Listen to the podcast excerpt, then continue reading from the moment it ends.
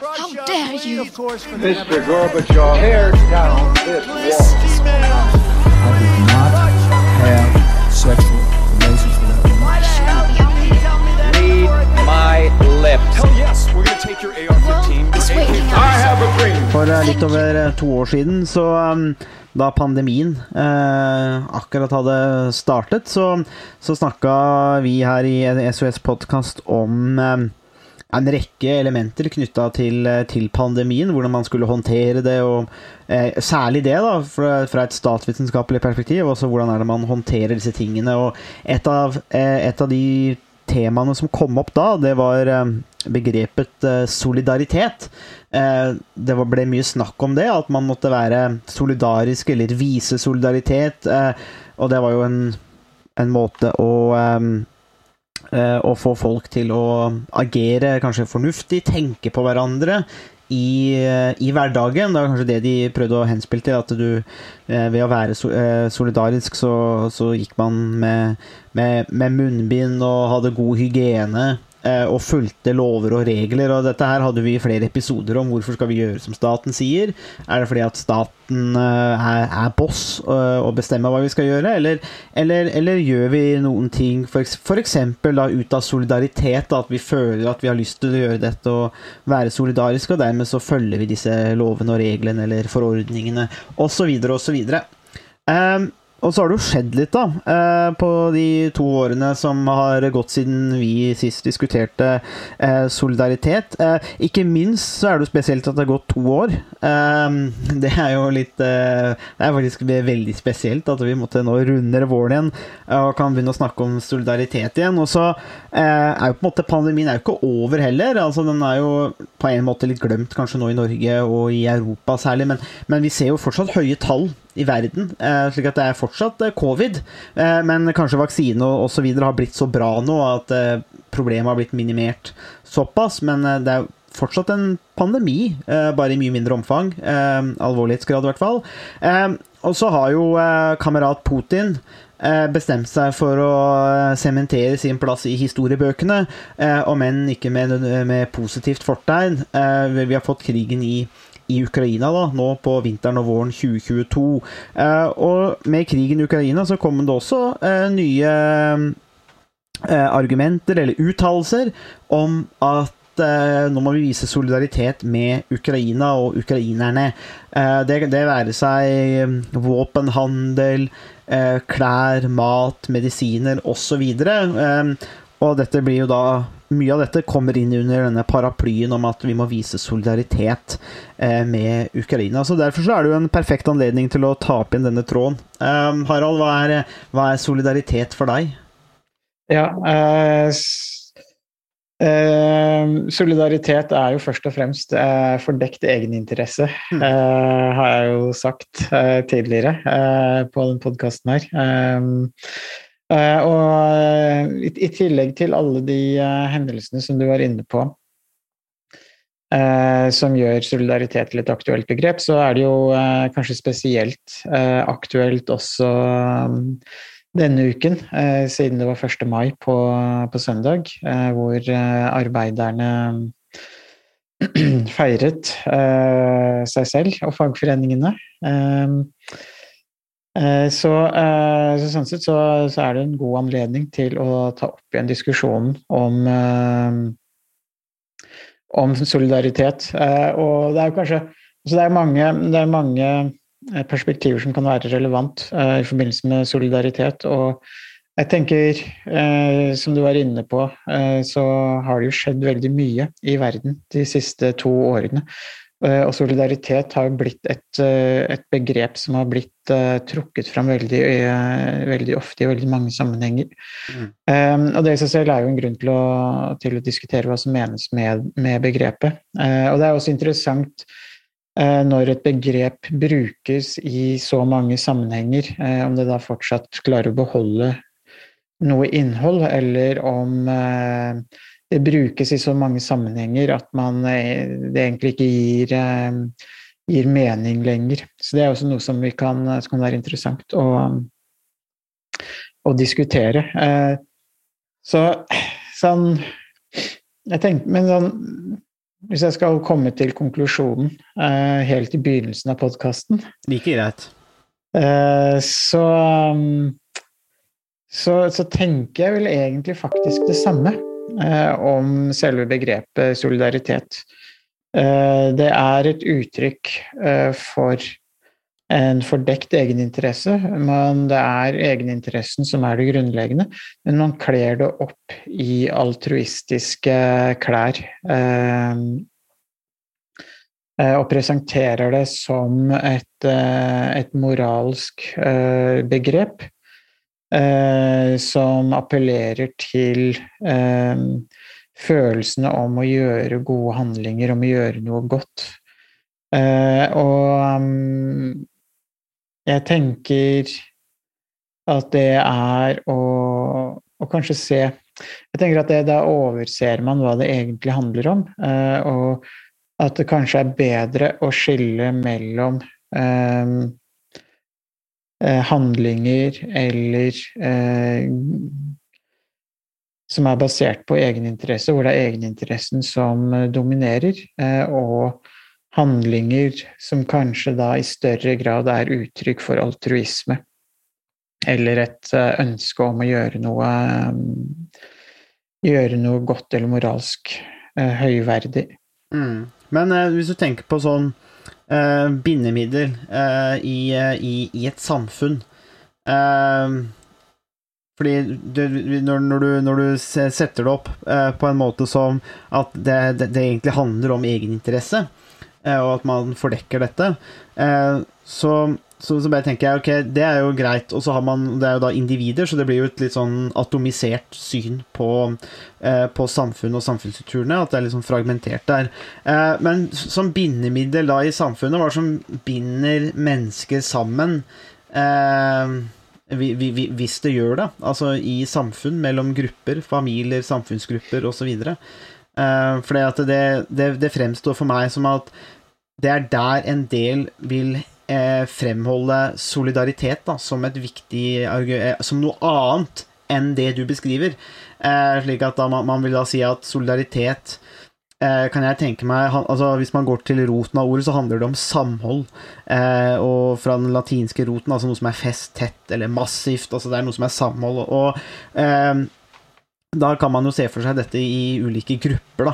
At man skaper denne gruppen. Og, og da vil, vil jeg tro at det flere kanskje tenker på, er at solidaritet er faktisk noe annet enn egeninteresse. Det er noe som oppstår mellom mennesker eh, som et eget fenomen, eh, og som bidrar til å binde Eh, binde folk sammen, da. Eh, på tvers av Altså, eh, selv om man er ulike individer, så binder dette man, man eh, sammen, da. Eh, og det fremstår for meg at eh, kanskje det er det Hvis man også bare for å si det, vi må, vi må holde den diskusjonen her da, til ett punkt. For så den andre punktet som vi må ta etterpå, det er jo hva som skjer hvis det blir brukt for mye, eller at det blir utvanna.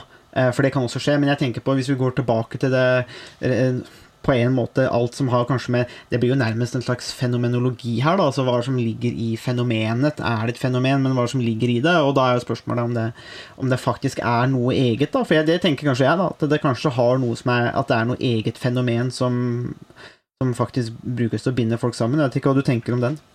Ja. Um, spørsmålet er om solidaritet er det samme som fellesskap. Uh, og det, det, som, eh, det som jeg kanskje Som gjør at jeg kanskje eh, er eh, kritisk til begrepet solidaritet, er egentlig det at man kommer med en slags sånn tilleggsdimensjon, en slags moralsk eller politisk tilleggsdimensjon, som det er vanskelig å, å identifisere hva egentlig innebærer. Eh, om det er eh, Så hva, hva er på en måte den, det som, hva er det som skiller solidaritet fra følelsen av fellesskap? Eh, så man kan, jo ha, eh, man kan jo føle et fellesskap med alle andre nordmenn, eller alle som identifiserer seg som norske. Man kan eh, føle et fellesskap med alle som er fra Hallingdal eller Halden eller hva det måtte være.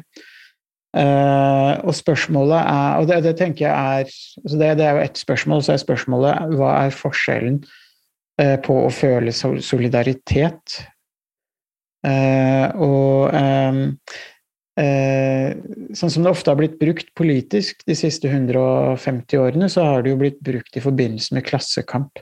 Eh, og der er det jo en ganske tydelig egeninteresse som har vært motivasjonen. Og jeg tenker at den egeninteressen og kampen som fagforeningen fagforeningene og arbeiderbevegelsen har stått for, er jo en helt legitim eh, kamp for sine, sine interesser. Eh, og jeg tenker at hvis man tar solidaritet ut av det bildet, så for min del i hvert fall, så, så blir ikke den kampen noe mindre viktig eller noe mindre verdifull eh, av den grunn. Eh, den har vært Den er like viktig uavhengig av om man trekker inn solidaritet eh, eller ikke. Mm. Så, så jeg tenker kanskje at eh, man smugler inn noe litt sånn mystisk i begrepet solidaritet som det er vanskelig å helt å få taket på. eh, som gjør at jeg eh, blir litt skeptisk til Fordi, fordi det, det blir et begrep som har en moralsk dimensjon, og som skal ha en moralsk overbevisning på den man, eller de man snakker til eller snakker med, eller oppfordrer til solidaritet. Eh, Så det blir noe veldig normativt. Eh, For jeg tenker sånn, så Man kan jo også se på solidaritet mer deskriptivt, litt sånn som eh, eh, Durkheim eh, gjorde med organisk, mekanisk eh, solidaritet. Som i større grad er på en måte et, en beskrivelse av samfunnsmekanismer. Mens den måten solidaritetsbegrepet brukes av mange politikere, er jo i en normativ eh, forstand hvor det er Altså sier noe om hva vi bør gjøre, eh, og hva vi må, hva vi burde gjøre som, som individer eller samfunn.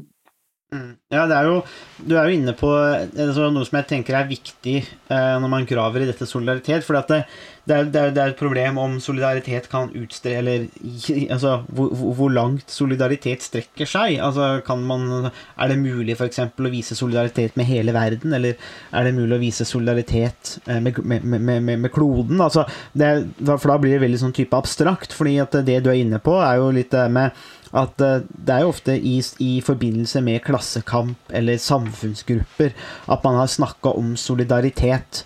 Eh, Du var litt inne på dette svært kjente eh, definisjonene som kommer fra Emil Durkheim, eh, en av de mest kjente sosiologene. Eh, som også lånte litt på, fra naturvitenskapen, slik man gjorde det gjerne på slutten av 1800-tallet, 1900-tallet. Er Litt inspirert, inspirert der. Vi kan jo ta det først òg, at for Durkheim så var jo mekanisk solidaritet eh, på en måte nøkkelen da, i, det klassi i klassisk forstand. Altså, hvis alle er bønder, så vet alle hvordan man har det, og man kan, har en felles eh, virkelighet. I den, I den forstand at man jobber med jorda og har de samme utfordringene langt på vei, kanskje i ulik skala, men det gjør at man da får en slags Man kan få en slags solidaritet da, med de som er i samme, i samme gruppe.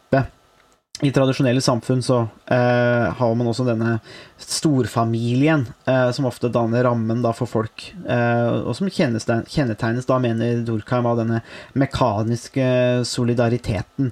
Eh, han setter jo dette opp mot da den organiske solidariteten, og det er litt vanskelig begrepsbruk egentlig, fordi at eh, for oss som kommer fra litt sånn eh, kritisk eh, tenkning, så så blir, er det organiske her det er la annerledes enn det vi vil tenke på organisk f.eks. fra Gramsci og andre. Eh, så jeg er litt, sånn, litt rotete i eh, blir litt sånn kaos i begrepsapparatet her.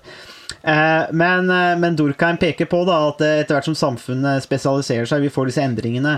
Eh, noen, er, noen er eh, akademikere, noen er bønder, noen er bilmekanikere osv. Eh, så så forsvinner, eller, forsvinner dette muligheten eller rommet for denne mekaniske solidariteten når vi blir mer avhengig av hverandre. Eh, slik at her kommer litt dette med gjensidig avhengighet plutselig inn i diskusjonen. Eh, men denne nye formen for solidaritet kalte Durkheim organisk solidaritet. Uh, og mente da at det, det, var ikke lenger relasjonen til storfamilien som skapte solidaritet, men relasjoner mellom de ulike yrkesgruppene i samfunnet. Og da er jo spørsmålet her, da uh, Var Dorkheim inne på noe uh, når han brukte solidaritetsbegrepet, eller burde han kanskje brukt et annet begrep for å beskrive nettopp dette? Det, F.eks. gjensidig avhengighet, og det er også en kritikk som vi også finner fra f.eks.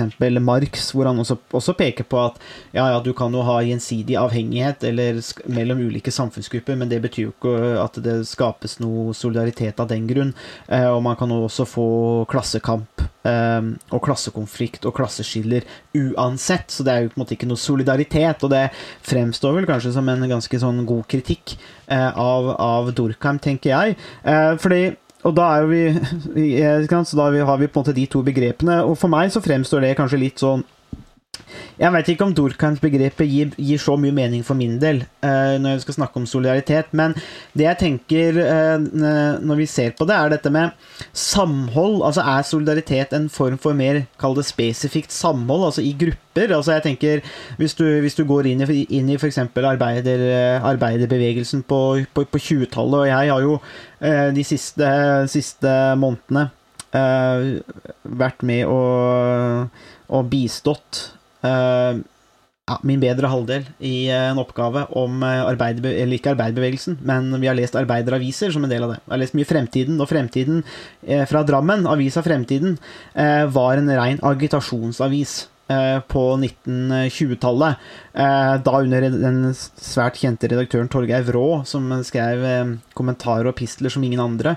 Men det er rein agitasjon. Side opp og side ned. Du får ikke så mye nyheter. Det er rein agitasjon. Og, og, og, og rop om solidaritet. Eh, og, og, og, og, da slår det meg at ok, kanskje det er en mye mer sånn spesifikk form for solidaritet. At det, at det, er der det kanskje kommer fra. Slik at eh, man kan ha det Solidaritet er noe som kanskje kan oppstå i, over kortere perioder. Uh, i en viss periode. Vil, det kan man jo kanskje si. Det vil kanskje mange kritikere av arbeiderbevegelsen også si. At i Norge at eh, ja, det var en arbeiderbevegelse med mye solidaritet, kanskje, på 2030-tallet, men etter krigen og Arbeiderpartiet som måtte vinne fram og blir den dominante makten, så har man gått fra å snakke om solidaritet og gjøre det til en slags eh, hedersbetegnelse men, men kanskje, kanskje, man ikke har det, da. Altså, kanskje det er andre typer ting som, som, gjelder her. Så jeg vet ikke hva du tenker om det etter den lange utlegningen der, Harald, men det, dette med at eh, om solidaritet er noe som på en måte er mye mer sånn uh, tidsbegrensa, kanskje. Intenst, men tidsbegrensa. Ja, jeg syns det er en veldig interessant, en interessant analyse. Um, og det er noe av det som jeg um, måte, la merke til, er også det, det du var inne på uh, om agitasjon og hvordan fremtiden uh, var et uh, middel eller en, en, publikasjon for nettopp å oppfordre til solidaritet. Og det er så interessant, fordi det, det, gir jo også inntrykk av at det innad i arbeiderklassen ikke nødvendigvis var en sånn naturlig mm. opplevelse av solidaritet, eller at man Eh, at det var opplagt eh, for de som tilhørte arbeiderklassen, eh, at man skulle ha nettopp den litt sånn spesifikke forståelsen av hva solidaritet innebar, og hva slags interesser man delte med andre. Mm. I, som man var i samme sosiale klasse med. Mm. Så Eh, sånn sett så, så, tror jeg absolutt det kan gi mening å snakke om eh, solidaritet som eh, på mange måter eh, et begrep som kan ha ulike betydninger eh, over tid. Eh, og, er, og, det er kanskje også der noe av min måte, litt sånn motstand mot solidaritetsbegrepet kommer inn også, fordi at Eh, samfunnet i dag, som du var inne på, Sondre, er jo annerledes enn det var på 50-60-tallet, eh, da Arbeiderpartiet var på sitt eh, høydepunkt maktmessig, og også på 1920-1930-tallet. Um, men samtidig så, så, legger man kanskje ofte noe av det samme innholdet i solidaritetsbegrepet som det man gjorde for 100 år siden eller 50-60 år siden. Mm. Og det er kanskje der noe av problemet også oppstår, ved at man eh, tillegger selve begrepet noen av de samme betydningene i dag eh, som tidligere, men i et samfunn som Eh, som ikke kan være solidarisk på den samme måten som tidligere, fordi at samfunnet har endret seg ganske, eh, ganske drastisk. Og det er kanskje noe av det som som også gjør at vi tok opp spørsmålet om solidaritet i utgangspunktet for et par år siden i forbindelse med pandemien og Eh, at begrepet også dukker opp igjen eh, i dag. Ikke bare fordi det nettopp har vært 1. 1. mai, men også fordi at eh, det er et begrep som brukes mye, og som du var inne på, Sandra, også blir, har blitt brukt i forbindelse med krigen i Ukraina, at vi må vise solidaritet med, med Ukraina og det ukrainske folket. Ja, det er jo et spørsmål om her, altså, ja, det er flere spørsmål. Det er klart, det kan jo hende at eh, det jo, kan jo hende at solidaritet som begrep tar over. altså At det er et mer anvendelig begrep enn f.eks. gjensidig nytte eller altså fordekt egeninteresse. For det, det, høres jo ikke så bra ut, vil jeg tro, for de faller flest sånn umiddelbart når du liksom sier at nei, det her gjør jeg av fordekt egeninteresse. Eh, eller det er det det er, eh, hvis man kan gjøre det bak solidaritet. Eller hvis man snakker om fellesskap, da, men solidaritet fungerer mye bedre, folk forstår det mer intuitivt. Så, så kan, er jo det en form for Kan være en form for uh, språklig utvikling òg, slik at det folk tenker på med solidaritet, er ikke Durkheims begreper eller andre, men det de tenker på, er mer dette, dette samholdet, støtta Eh, og det er det de forstår med det, at eh, vi har fellesskap f.eks. Eh, med ukrainerne. De er europeere, og de blir okkupert av en, av en hissig stormakt og gæren despot i Moskva. Og solidaritet er da å hjelpe disse ukrainerne Eh, på alle mulige måter, og at vi føler at vi vil hjelpe òg. Altså at du får den der følelsen av at eh, når du ser bildene fra Kiev, fra Butsja, fra de andre ukrainske byene, så får man den følelsen av at ok, her, du vil gjerne hjelpe, ikke fordi at det er eh, e-, egeninteresse, men fordi man virkelig vil hjelpe. Og så er spørsmålet er det da altruisme. Men kanskje det er det er altruisme igjen med form, form for rasjonell egeninteresse. At nå velger jeg å være eh, stor Eh, og hjelpe andre. Kanskje, eh, kanskje, solidaritet er en mer sånn umiddelbar, intuitiv hold, altså følelse som man får med andre, eh, og, og, og, som da blir veldig kraftig. Hvis det er tilfellet, så vil det da bare støtte opp under mitt tidligere poeng om at det eventuelt er et veldig sånn tidsbegrensa sak. Altså at man kan vise solidaritet, men det vil eventuelt ikke vare så veldig lenge. Altså Man kan føle den solidariteten, men det er ikke noe som går over mange år, da. For eksempel, man kan, eller det kan det vel kanskje gjøre òg, hvis man agiterer nok, kanskje, men, men jeg, litt, jeg, jeg, tenker kanskje at kanskje solidaritet er litt, eh, er litt uh, mer kortere. Um, og, og så er jo spørsmålet da og i, i, i hvilken grad f.eks. solidaritet er et begrep da som folk velger å bruke, og som tar over. ikke sant? Eh, eh, og det skjer jo også i språket vårt, at eh, solidaritet eller andre ord og begreper kommer til å bety andre typer ting. Eh, de utvikler seg. Eh, ikke sant? Det, det, må vi jo se på, må lide oss gjennom alle disse forholdismen, ikke sant? Folk som eh, sier i forhold til alt, selv om det er feil. og og det, kan, det, samme kan vel kanskje Kanskje det gjelder solidaritet. At eh, ja, det har betydd én ting, eh, men for å beskrive den støtten man føler for eh, eh andre eh, i pandemibekjempelse eller krigen i Ukraina, så kanskje folk flest, da, for å bruke den klisjeen, eh, tenker at solidaritet er et bedre ord, og dermed så blir det også brukt mer. Det betyr jo ikke at det er korrekt eller mer presist, men at det er bare et ord som passer bedre, da. Det, ikke. det er kanskje derfor vi ser den høye bruken av solidaritet. Ja, det, det, kan, godt, eh, det kan godt, hende. Eh, og jeg tenker at da, da, da, går det litt tilbake til det du var inne på, Sondre, om at det får en mer sånn semantisk eller språklig eh, betydning mer enn en noe annet. Og da Det er jo også det som kanskje også er noe av min kritikk eller motstand mot begrepet, fordi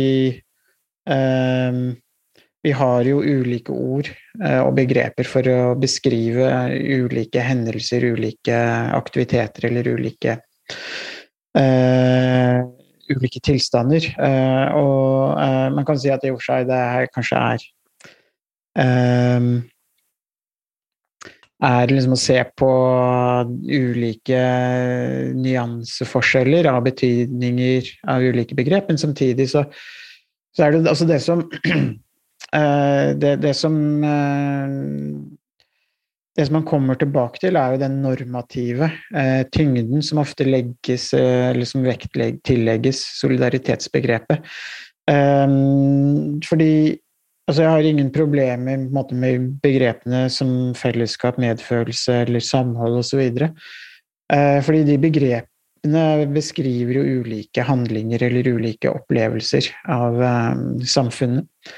Um, og det tenker jeg på en måte uh, Det tenker jeg er helt uh, uh, helt legitimt og på en måte helt på det mindre kontroversielt, men solidaritetsbegrepet har en del normative normativ vekt som, som gjør at når man bruker det, så, så blir det en sånn moralsk tilleggsdimensjon som Uh, som jeg er litt usikker på. Uh, fordi man kan godt Jeg tror det er lett å argumentere for at man føler uh, både medfølelse og fellesskap med Ukraina og ukrainske, det ukrainske folket.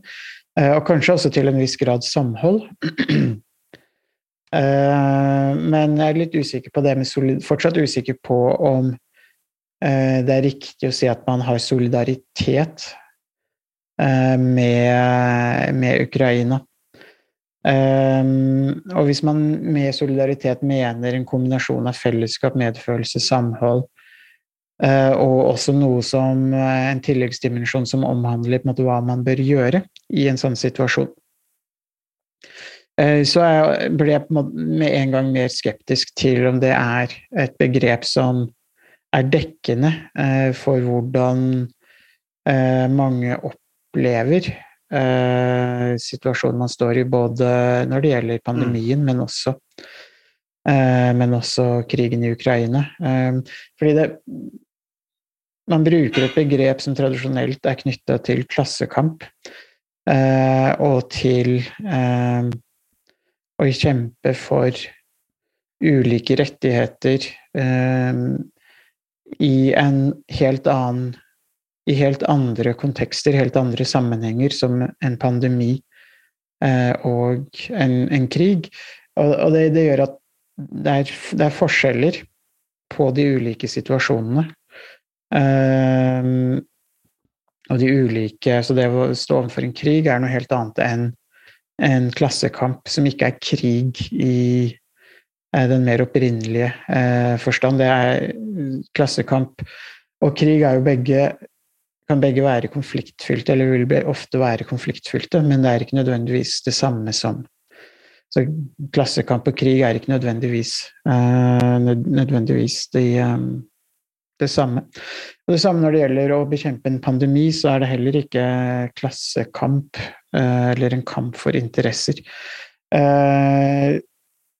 Først og fremst eh, på den, den klassiske måten solidaritetsbegrepet ofte, ofte har blitt, blitt brukt. Så, sånn sett så, så, tenker jeg at eh, eh, hvis det er et, et, slags solidaritetsbegrep er en slags en snarvei eh, til å inkludere en del andre begrep, så kan det kanskje under noen omstendigheter være akseptabelt og helt greit, fordi det, det, det gjør det lettere å snakke om eh, en situasjon. Men samtidig, hvis det da også smugles inn en del normative og moralske eh, premiss, så, så, kan det hende at den snarveien eh, tildekker mer enn den forklarer eller avdekker.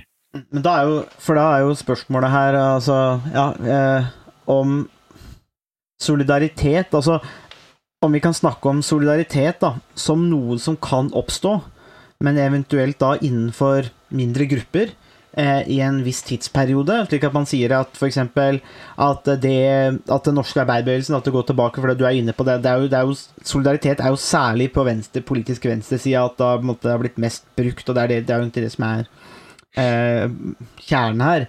Eh, så kan man da si at solidaritet er noe som oppstår, eh, eller kan oppstå, i en gruppe eller mellom en gruppe mennesker i, i et samfunn, f.eks. Um, og at man har denne opplevde solidariteten. Så f.eks. arbeiderklassen, da, eller arbeiderbevegelsen i Norge på 20-tallet. At, eh, at eh, der så har man opplevd solidaritet internt. eh, fordi at man står sammen om det, og at de, de føler en solidaritet med hverandre. Altså det er, det er noe de kan føle.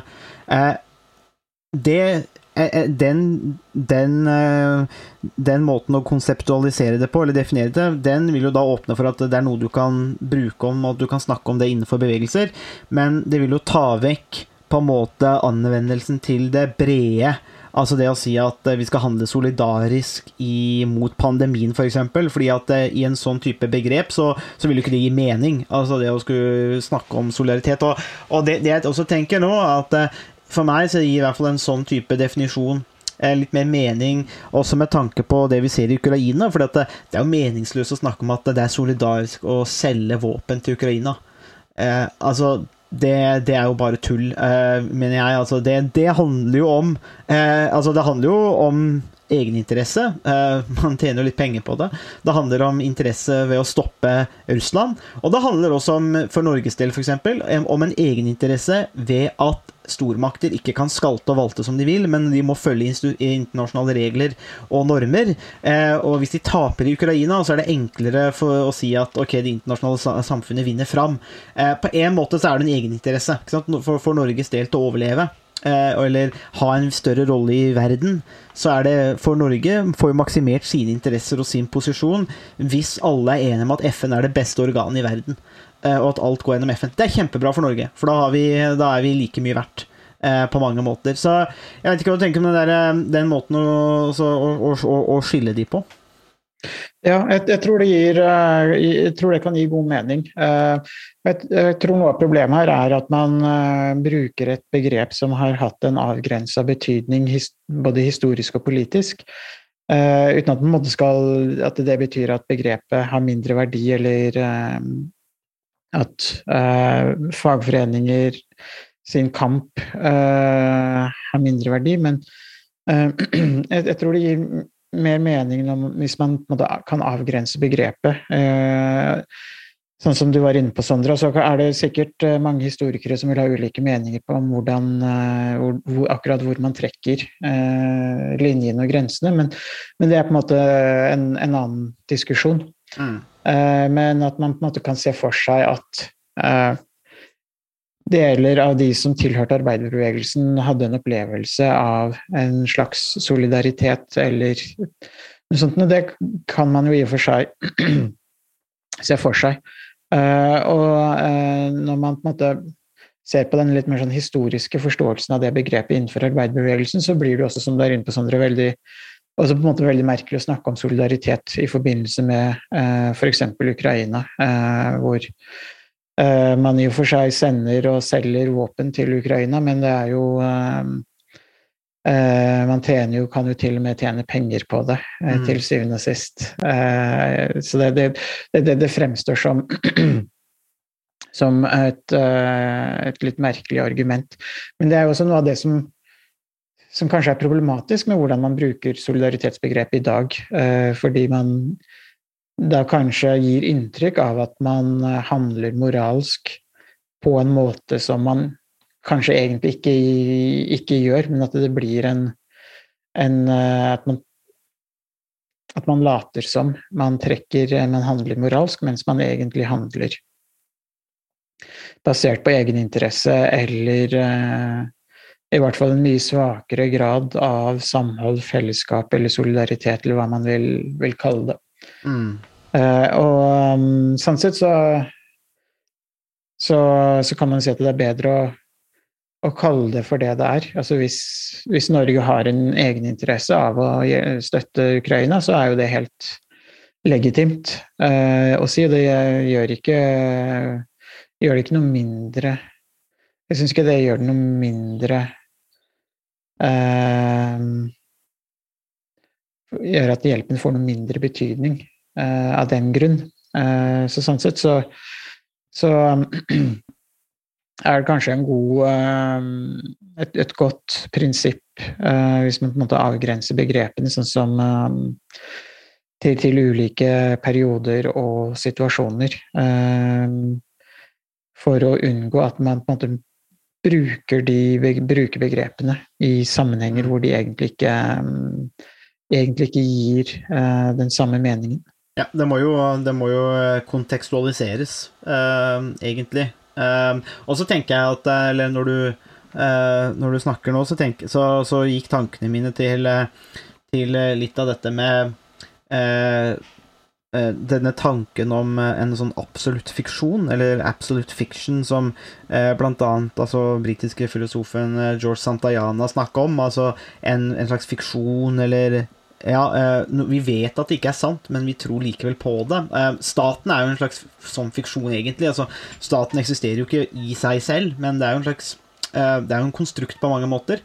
Eller, eller dette med et folk eller nasjonalisme. Men, men det, er, det er på en måte myter eller fiksjoner. Men vi agerer som om det er sant, da. Eh, eh, og, og, det, og, sånn er på en måte kanskje mye av den menneskelige verden bygd opp. I hvert fall den sosiale verden er bygd opp på dette. Det er jo ikke noe problem, det. Men, men, men det jeg tenker der, er kanskje det at eh, eh, hvis vi anvender det til norsk sammenheng, da, så, så, så i hvert fall de assosiasjonene jeg fikk da når du prata nå, var det at for jeg tenker at det er mulig å snakke om en solidaritet i den norske arbeiderbevegelsen på et visst tidspunkt, og, og kanskje også solidaritet blant mange nordmenn, ikke alle, men blant mange nordmenn etter eller under andre verdenskrig.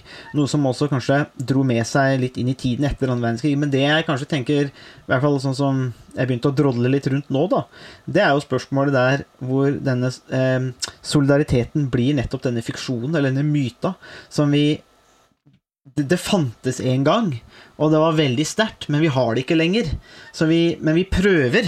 Vi prøver å ha det, og vi eh, Hvis du går til arbeiderbevegelsen, så synger man om internasjonalen, og man eh, samles på sommerleirer, f.eks. I, i Arbeiderpartiet, eller har man partimøter, og så forsøker man å holde liv i denne gamle kulturen, selv om Arbeiderpartiet, f.eks., som er den, kanskje den, og sammen med fagforeningene, men hvis vi tar den politiske vingen av det her, da, som bærer, skal bære denne arven videre, så kanskje man ender opp med, med disse platitudes, nærmest. da, altså Man får denne fiksjonen, og så snakker man om solidaritet, og man snakker om Gerhardsen og Lie og alle de andre fra lenge siden. Men, men igjen, en annen virkelighet, en annen hverdag, en annen form for eh, Hvor det kanskje var et historisk øyeblikk med solidaritet, men som man fortsetter med, men da i, i mytisk form. da. Altså, Man bare snakker om det, og så, og så, og så tenker man at ja, man er solidariske. Eh, fordi at det skal man være. Det er, det er en måte programfest. Er man i Arbeiderpartiet så- eller er på venstresida, så er man måte pro programfesta til å være solidarisk. Eh, men, men jeg er usikker på om det faktisk er sånn det fungerer, da. Men det er kanskje der man får denne eh, skal vi være så frekke å si perverteringen av et eh, begrep? Eh, eller kanskje i mer snill forstand at man rett og slett det er rett og slett bare misforstår det, og så bruker man ordet feil. Altså at det blir en rotete eh, det, blir, det blir en dårlig begrepsavklaring, da, eh, egentlig, og så sauser man dette sammen. Og det, jeg tenker at det kanskje det er, der, at det er der noe har skjedd, fordi eh, når man går spesifikt inn på en bevegelse, f.eks., så tenker jeg man kan snakke om solidaritet, og man kan sikkert snakke om det i Ukraina nå, internt i Ukraina. Eh, på mange måter. Altså, det ville ikke overraske meg, jeg har ikke gjort noen studie på det, men om, om, skulle, om, om det skulle være en opplevd følelse av det vi legger i begrepet solidaritet i Ukraina nå, så ville ikke det overraske meg. Men eh, det er vanskelig å se for seg at man skal snakke om solidaritet med Ukraina når man sender våpen eller selger våpen eh, og disse tingene, for da handler det om andre ting igjen. Eh, man kan ha medfølelse for ukrainerne, og det tror jeg de aller, aller fleste har. Empati, støtt og vil støtte og vil hjelpe ukrainerne, men om det er solidaritet, det vet jeg ikke. Det er jo noen eh, oppsummerende tanker der, eh, Harald. Vi eh, nærmer oss slutten, men Ja, nei, tenker du vi har gravd godt, godt i dag i solidaritetsgjørma? Ja, nei, jeg syns du oppsummerte det godt. Um, og um, eh, det å, å identifisere måte, nasjonale myter eller en uh, svunnen tidsalder uh, som man ønsker seg tilbake til, er jo noe som politikere er kjent for å gjøre. Uh, og har drevet med i, i, i, i uminnelige tider. Så, så, det er jo noe som, som, er kjent, og det er kanskje også noe av det som solidaritetsbegrepet lider under. Det er en man ønsker tilbake til en uh, situasjon eller en uh, virkelighet som kanskje har eksistert eller kanskje ikke har eksistert, uh, og som man måte, bruker til å skape bilder og assosiasjoner rundt, men som kanskje ikke kanskje ikke har eksistert i det hele tatt, eller som, man, som ikke tilpass, er tilpasset dagens samfunn. Da og da får vi, eh, får vi den uh, grunnlaget for, å, for, den diskusjonen vi har hadde for to, starta for to år siden, og egentlig har fortsatt, uh, fortsatt i dag. På slutten også med opplevelsen av solidaritet innad i Ukraina, for i går så sto det en veldig interessant artikkel i The Times om Eh, hvordan korrupsjonen i Ukraina eh, har fortsatt selv under krigen. Eh, der var det der stod, I den reportasjen sto det om at de hadde funnet et På et lager, stort lager i en by øst i Ukraina, så hadde de funnet masse raketter Eh, og eh, motorer til tanks som var stjålet fra det ukrainske forsvaret, og som skulle selges til russerne. Yes. Og det er jo ganske Det er jo ganske drøyt. Eh, så er det intervju med en annen sånn militærleder for noe som var noe sånn tilsvarende hjemmeværende eller noe sånt noe i Norge som ikke hadde fått noen våpen. De hadde Det nyeste våpenet var et maskingevær fra 1942, produsert av Sovjetunionen. Ja, jeg, jeg, har sett, jeg, har sett, videoer av der, eh, noen av de her våpnene som de har eh, Noe av det ble nesten henta ut fra museum òg. Ja. Eh, som de liksom tok med seg. Eh, det, er jo, det, er jo, det, er jo, helt vilt, egentlig. Så det, det er jo litt sånn vi snakker om solidaritet, at eh, nordmenn skal ha solidaritet med Ukraina. Så, så ser man liksom hva slags solidaritet ukrainerne eh, har. Eh, og der var det også var det 20 000 euro eller noe sånt som var blitt satt av til å kjøpe forsyninger eller noe sånt, som bare var helt borte. Men, men det, er jo, det, det, er det, det, er jo det her som måte, forsvinner nå i dagens diskusjon. og Det er det, at et land som Ukraina er mye mer komplekst enn det man får inntrykk av. Og et, eh, ja, et, et, et, land som sliter med like mye, nesten like mye korrupsjon som Russland, de ligger jo ganske nærme hverandre på de her eh, indeksene som viser korrupsjon. og ja. uh, De har jo store problemer, og, og, det er jo helt riktig som flere har påpekt, de har jo store problemer med disse høyreekstreme gruppene.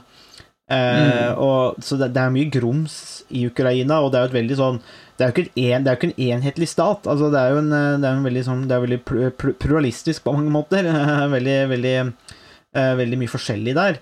Uh, så det er klart at vi får jo en, en kraftig forenkling nå. I, i, i, media eller, altså ikke, ikke altså, Det blir veldig sånn Ja, media gjør ditt, men det blir klart forklaringen blir veldig enkel, og det ser man også fra politikerne og en del eksperter òg, om at at Ukraina, det, her er, det her er veldig clear cut, og Ukraina står nå samla. Sånn, det viser jo, så den, sånne type artikler viser jo at det er jo ikke, sånn er det jo ikke. Og sånn var det ikke i Norge heller, altså med, med, med invasjonen i, i, før. Altså, det, var jo, mm.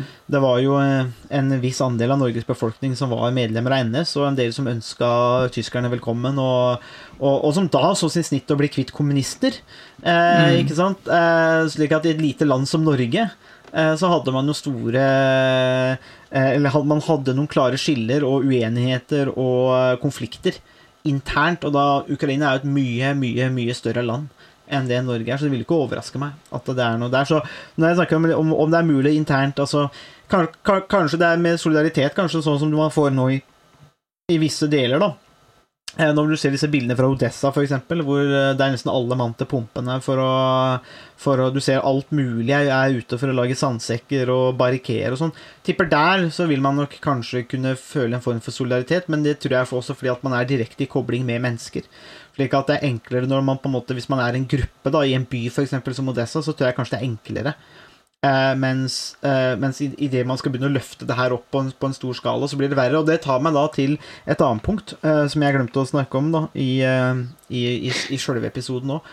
Men men her, det her er jo kanskje problemet sant, til den internasjonale venstresida, fordi at man har forsøkt å etablere solidaritet som et slags overbærende prinsipp. Men det er jo ingen som krangler mer med hverandre enn den internasjonale venstresida. Eh, slik at det er lite solidaritet, og det er det jo tradisjonelt vært òg. Det er lite solidaritet internt ofte, i hvert fall på toppen i, i, i arbeiderbevegelsene. Eh, og på venstresida. Eh, så det, det, kan jo kanskje være noe av problemet, da. At man har forsøkt å ha dette overbærende prinsippet om solidaritet, men det er kanskje bare noe som eksisterer i, eh, i teorien. Ja, nei, det er altså veldig interessant, fordi eh, altså, Arbeiderpartiet er jo kjent for ikke å ha vært noe søndagsskole. Um, som det var det Håkon Lie som sa en gang, eller noe sånt noe. Og det, og det, det, det er jo Da, forsvinner jo også noe av måte, den solidaritetstankegangen når man også må må kjøre en såpass eh, hard linje, og det er såpass store uenigheter i, innad i bevegelsene. Så da, da blir det også litt Da blir det, da blir det eh, solidaritet på, et veldig, eh, på en veldig abstrakt måte, som, eh, som også er med på å tømme eh, begrepet for innhold, bare smøre det veldig, veldig tynt utover eh, hele verden. men det er jo også interessant, altså Marx skrev jo i Det kommunistiske manifest eh, om eh, hvordan arbeiderne har et eh, globalt interessefellesskap også. Mm. Hvordan, hvordan, her, hvordan, klassekampen var global og ikke bare lokal. Mm. og det er jo interessant om det er et uttrykk for solidaritet, eller om det er et uttrykk for for et interessefellesskap eller for et uh, uh, For en egeninteresse som man deler. I teorien så tenker jeg at det kan jo være snakk om solidaritet. Altså at man forsøker å koble det sammen på den måten og si at ok, fell, altså, ja, vi er i arbeiderklasse, eller vi er proletariatet. Uh, og mm. dermed så innafor det fellesskapet så har man denne solidariteten, da. Det, er, mm. det binder oss sammen. Og det, men, men det, det, er klart det er vanskelig å måle det her. Det har vel ikke vært forsøkt å måle heller. Uh, så det er mm. vanskelig å si om, uh, om, det faktisk stemmer. Men hvis vi tar, hvis vi tar empirien og, og, og samholdet, i hvert fall internasjonalt, da, den globale venstresida f.eks., og, via Marx, da, så, så, er det lite som tyder på at man har tatt Marx alvorlig eh, i den forstand. Eh, mm. Samholdet er jo tettere, i hvert fall på venstresida i Skandinavia, men da kommer man jo tettere på spørsmålet er det, er det, er det sosialdemokratiet som på en måte har blitt utvikla i Skandinavia, som binder dem sammen, eller, eller, er det det at vi har vært sammen i kolonier og kongedømmer, og det er kortet mellom grensene i, i tusen år som har gjort at du har det fellesskapet? Det, er ikke, det er ikke arbeiderfellesskapet eller, eh, eller borgerlig fellesskap eller hva det måtte være, men det er mer det at det er, du, er det, altså, du er dine naboer der nærmest. Vi har mer med svenskene å gjøre enn vi har med, enn vi har med kinesere. Uh, og det er, bare, det er det som er forklaringen, ikke, ikke, ikke, ikke arbeidet. Så, så, kan man si at kanskje de tankene er noe som kommer på toppen av det, men uh, det, er, det blir vanskelig å skille de tingene. Da. Ja, for Det er jo spørsmål om det på bygger på et allerede eksisterende fellesskap. Ja. Uh, både språklig og historisk og politisk og kulturelt, og religiøst også. Ja. Og, det, og, det, er jo interessant, eh, bare sånn helt kort til slutt her altså sånn, eh, i eh, noe, noe, av det som var spesielt med avisa i fremtiden, da, i Drammen, var jo det at det, eh, starta jo også som en veldig agitasjonsavis. de var langt framme i sportsdekningen. Altså, eh, broderen har skrevet en masteroppgave om sportsdekningen i fremtiden.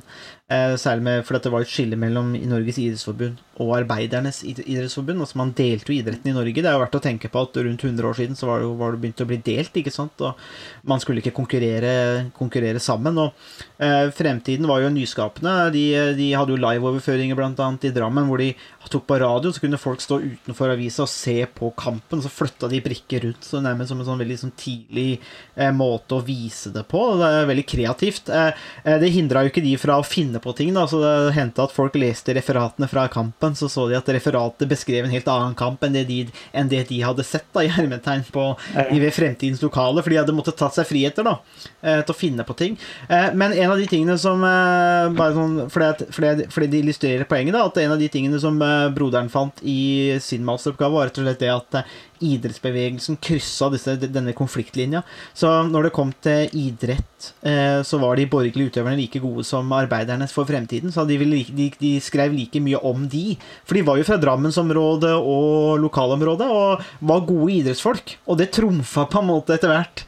Eh, hva skal vi si, denne klassekampen, da. Eh, slik at, og det, og det, og det, det illustrerer på, på, på, på en regional måte, så illustrerer det kanskje litt poenget ditt om at kanskje det, dette kommer i tillegg til andre typer fellesskap. Og at fellesskap trenger ikke være utelukkende heller. Altså Man kan jo ha uh, dette her, det her kan gå litt overlappe litt, da. Ikke sant? Altså, Så til tross for sterke klassemotsetninger, så hadde man ikke noe problem med å hylle de beste idrettsutøverne. fordi at uh, idrett var på en måte et felles språk. da. Det tenker jeg kanskje illustrerer litt av begrensningene til ja, det en, ensidige synet da, på klassekampen her òg. Mm. Det er mye mer komplisert enn som så. så det, det er kanskje noen rammer eh, som er mye større enn solidaritet. da. Mm. Takk for at eh, du hørte på Statsvitenskap og sånt. Har du spørsmål, kommentarer eller tilbakemelding, så er det bare å ta kontakt på vår Facebook-side, per e-post eller brevdue. Musikken er som vanlig laget av Robin Horvath, og Mats Halvorsen mikser og redigerer podkasten. Vi høres!